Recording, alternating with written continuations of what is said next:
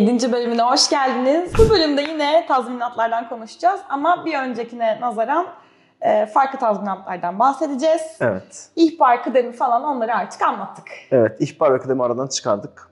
Şimdi bir de farklı e, işten ayrılmalar sebebiyle e, farklı tazminatlar doğabiliyor. Bunlardan bahsedeceğiz. O zaman söz sizde. Başlıyoruz Buyurun. efendim. E, bu sefer halatır sormadık. İki bölüm arada çekiyoruz yani ondan. iyi misin? İyisin biliyorum. Stüdyo 7'de boşaltmanız lazım arkadaşlar falan diye. E, Biraz hızlı olsan sevinirim yalnız. O sırada toparlanıyor, çiçekleri birisi alıyor falan böyle. İyi peki nasılsın Çöperci? Bu arada görünmüyor ama şurada poşet var değil mi? A101 poşeti Ben... bu.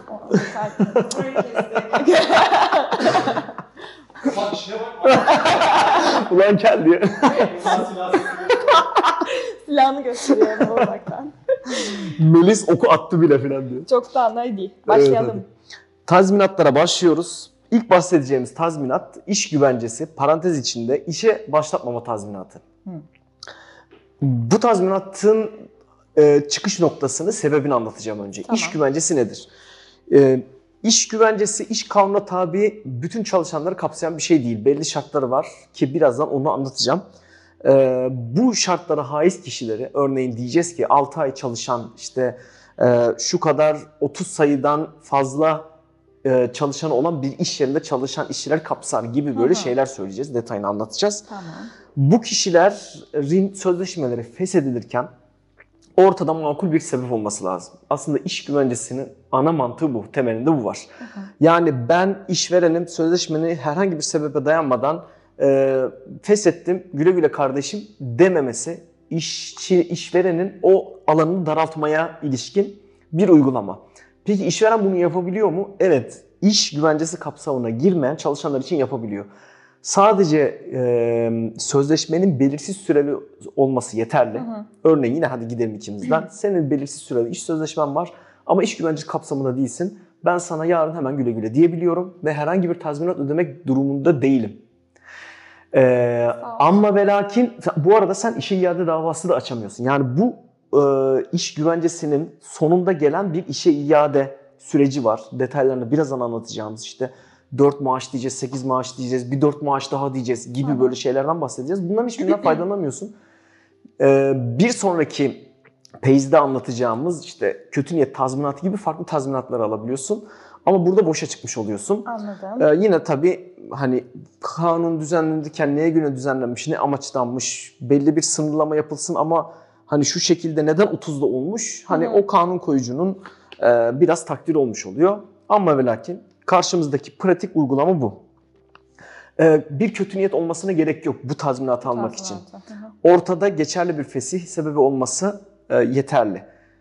Geçerli fesih sebebi dedik. Hani sana dedim ya ben herhangi bir sebep göstermeden seni çıkarabiliyorum iş yerinden.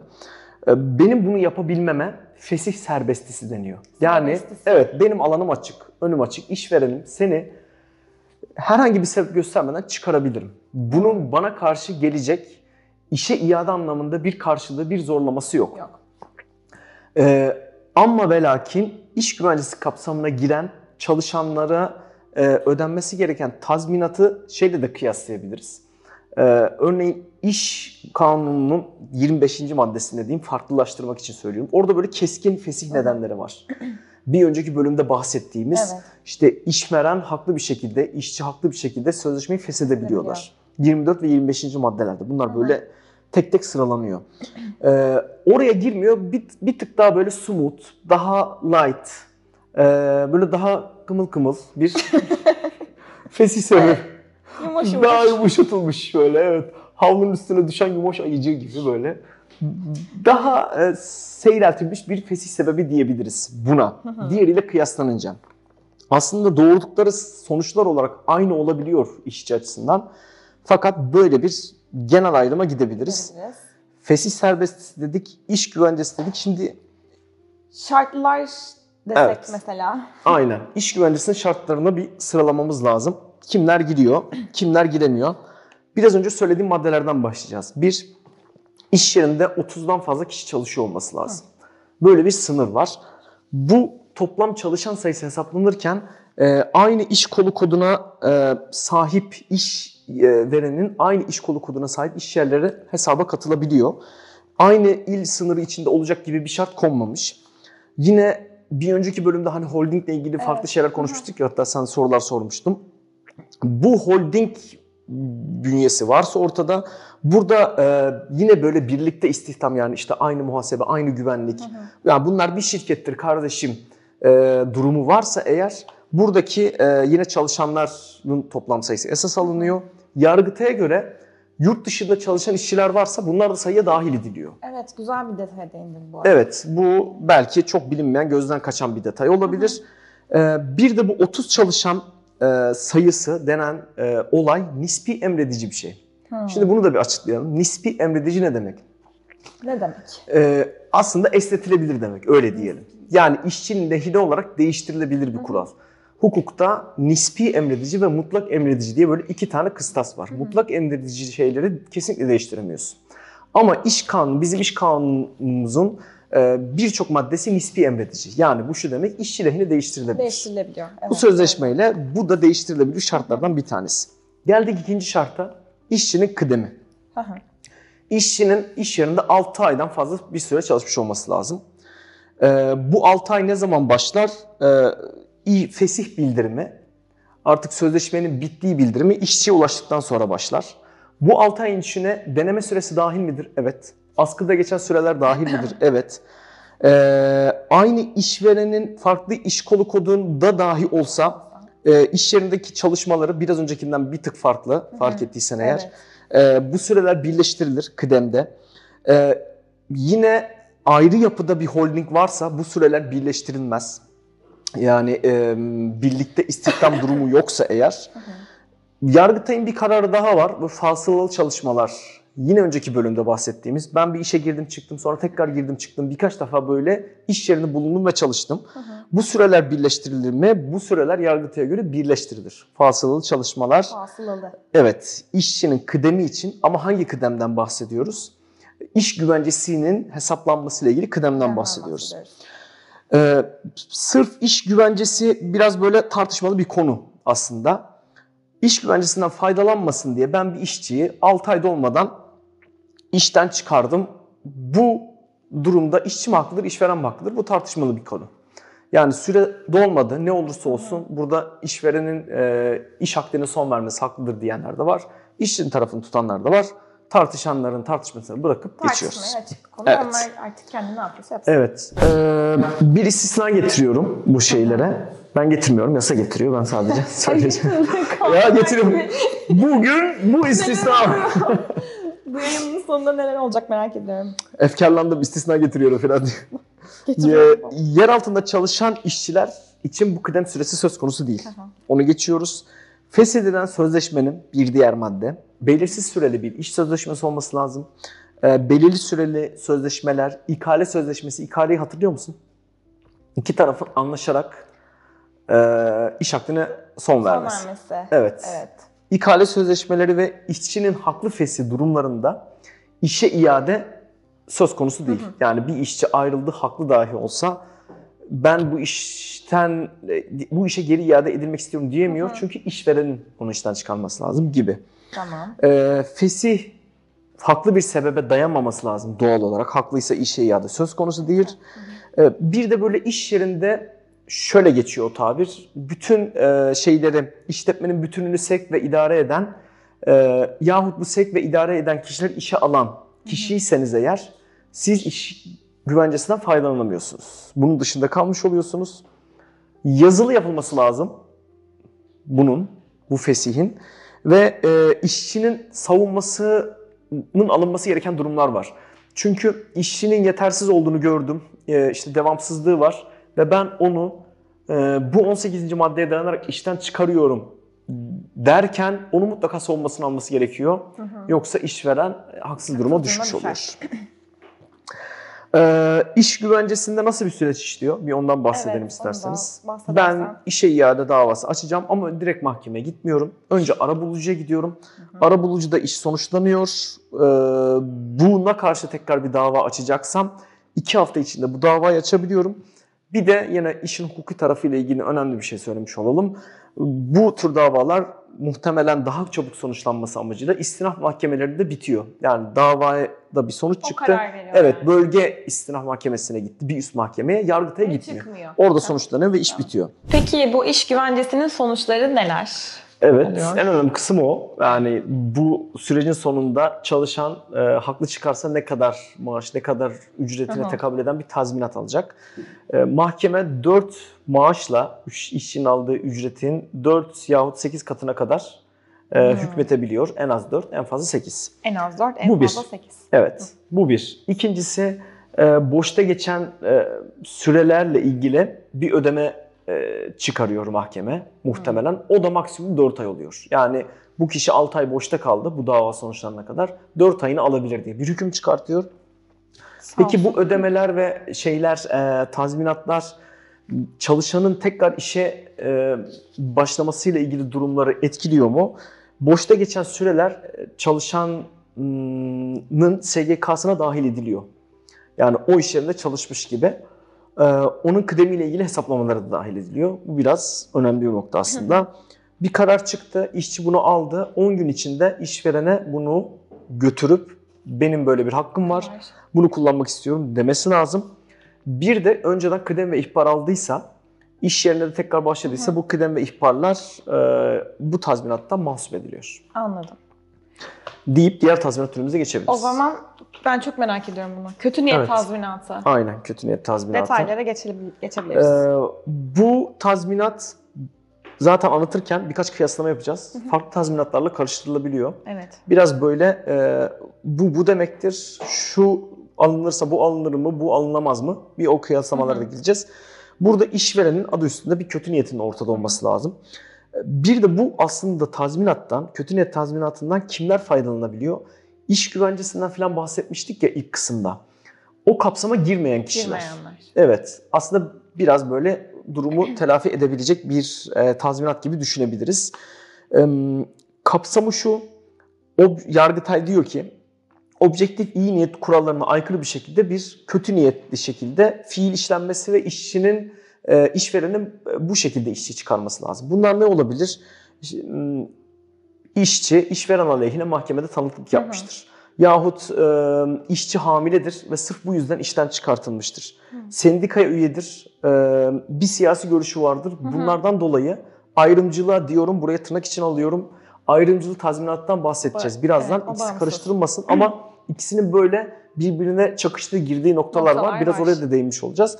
E, bu tür sebeplerden dolayı işçi işten çıkarılıyorsa ve işçi bunu ispat edebiliyorsa bir kötü niyet tazminatı alıyor. Bunun tutarı ne?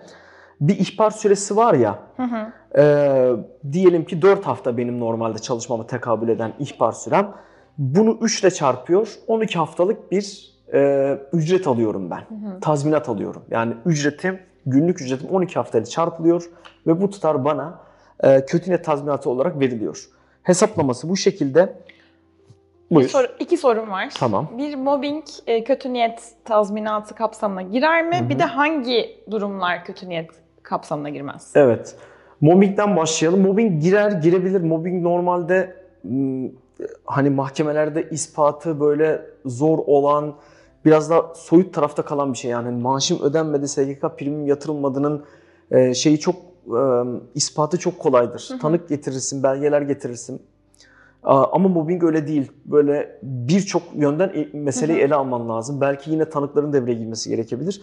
Ama sonuçta kötü niyetle ilgili bir yere varılabilir. Hı hı. Tamamen böyle mahkemelerin vereceği şeye karara Karara kalmış bağlı. oluyor. Olayın tamamen e, subjektif yapısıyla alakalı. Bir sorun daha vardı. Hangi olaylar girmez? Evet, Biraz ondan örnek verelim. Ee, örneğin işletmede de ki benim e, iş gereklerinden dolayı kadroyu daraltmam lazım. Ham madde yokluğu Hı hı. yaşıyorum. Kaynaklar Ee, yetersiz. ekonomik, mali ve teknik sebeplerim var. Hı hı. Yani bunlardan dolayı e, ben iş sözleşmesini bitiriyorum. Hı hı. Bunlar doğrudan kötü niyete girmeyen şeyler ama hani bunlar perde yapılır, arkada başka bir kötü niyet vardır. Tabii bu da olayın mahiyetini değiştirecektir. Kim ispatlamak zorundadır bunu? Ben sorayım. Yani işçi. Evet, burada işçiye düşüyor. Hı hı. Ee, ispat yükü işçidedir. Ee, bana bu muamele yapıldığı ispatlamak. Yapıldığını ispatlamak.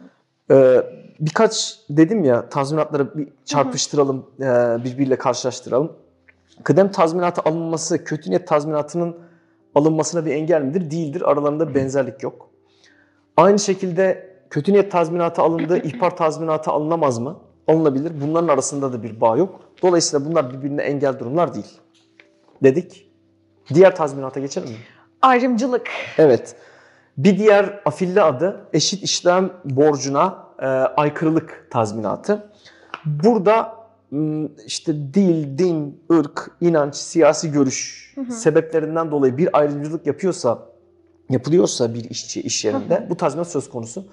Bir böyle diğer tazminatlardan değişik olabilecek noktasını söyleyelim. Çalışırken de talep edilebilir bu tazminat. Yani ben iş yerindeyim, bana bu muamele yapılıyor, ben bu e, tazminatı talep ediyorum diyebilir. İşçinin iş- illa işten ayrılmasına gerek yok. Ee, biraz önceki gibi hani kıdem ve ihbarla beraber alınabilir mi? Kıdem ve ihbarla beraber alınabilir. Bunda bir sıkıntı yok. Bir de atlamadan böyle hani unuturuz belki onu. Diğer tazminatlarda böyle giydirilmiş ücret falan diyorduk ya. Bununla ilgili kanunda, mevzuatta böyle bir madde yok. Bunda çıplak ücret alınıyor. Yani diğer yan haklar bu ayrımcılık tazminatının hesabına dahil edilmiyor. Onu da bir söylemiş olalım. Ve yine girelim versus versus'a. Ayrımcılık tazminatı, kötü, Kötü net niyet. tazminatı ilişkisi. Bu ikisi birlikte talep edilebilir mi? Tartışmalı bir konu. Ama yine özetini söyleyelim biz. Daha makul, mantıklı olanını. Daha doğrusu Yargıtay'dan çıkan kararları e, biraz takip edelim. E, işçinin lehine hangisi ise yüksek olan hangisi ise o talep edilebiliyor deyip bunun için noktayı koyabiliriz. Tamam. Bunun çıkış noktası da şu. Hani ortada bir fiil var, iki farklı tazminat talep edilemez. Aynı tartışma e, iş güvencesi ilk bahsettiğimiz tazminat vardı ya işe iade. Ve ayrımcılık tazminatı arasında da var. Bu da tartışmalı bir konu. Burada da aynı yaklaşım var. Yani bir kesim diyor ki e, bir fiil var ortada. iki tane tazminat talep edilemez. Ama işe iş güvencesi, işe iade tazminatında durum biraz daha farklı. Çünkü orada e, işe iade edilmek istiyorum ve edilmediğim için bu tazminatı alıyorum.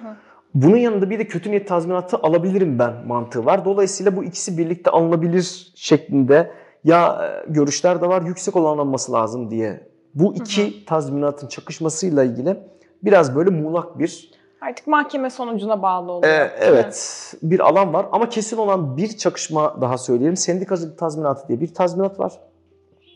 Bir iki cümle ondan da birazdan bahsedeceğim. Bir saniye. Kendimi burada onu gördünüz. Ben buna kodumu tabii. o kadar ciddi de dinliyorum kendimi orada. Bütün dikkatim Ben, ben dağıldı. bir sıyırdı zannettim bu kadar böyle bir tazminat daha var diye. Çok özür dilerim pardon.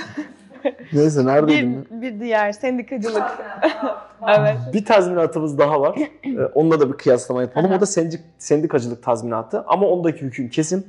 İş kanununda 5 5. maddesinde madde. geçiyor. Ee, orada sendikacılıkla ilgili kısım müstesnadır. Ee, haklı, sak- hakları saklı bir şekilde bir durum geçiyor ki zaten bu geçmese de biraz önce e, söylediğim mantıktan ilerleyince e, sendikacılık tazminatının sadece alınması gerekiyor aslında bu iki tazminat çakışırsa. Çünkü onun süresi en az bir yıl. Bir yıl ve üzerinde verilmesi gerekiyor o tazminatın. Sendikacılık tazminatı nedir? Evet hazır sendikacılık demişken Aynen oraya ad- da adı üstünde sendikal faaliyetlerde bulunduğundan dolayı e, iş hakkına son veriliyorsa e, burada dediğim gibi en az bir yıllık bir ücret tazminat Çıplak olarak işçiye verilmesi çıplak gerekiyor. ücret var burada. tabii. E, evet aynen bravo. Evet. Süper. Yakaladım. Ben onu atlamışım. Burada da çıplak ücret söz konusu. Ve son olarak diğer tazminatlara Üç tane daha kısa tazminat söyleyip tazminat. bitiriyorum. Tamam. Bir tanesi aslında tazminat denmeyebilir. Cezai şarttan bahsetmiştik hatırlıyorsan. İkinci bölüm müydü? Üçüncü bölüm müydü? Olabilir. Cezai şartın detayları rekabet yasağından konuşmuştuk. Ona tekabül eden ödemeye tazminat diyenler de var. Cezai şart ödemesi diyenler de var. Hani detayları çok konuştuğumuz için şu an sadece bir başlık olarak üzerine fosforlu kalemle çizip geçiyorum. İş kanunundan kaynaklı iki tane tazminat daha var. Birisi 30. maddede, birisi de 31'de geçiyor. 30'da geçen mağlulen e, bir mağluliyetiniz var. İşten ayrıldınız ama sonra e, düzeldiniz ve işe dönmek istediniz.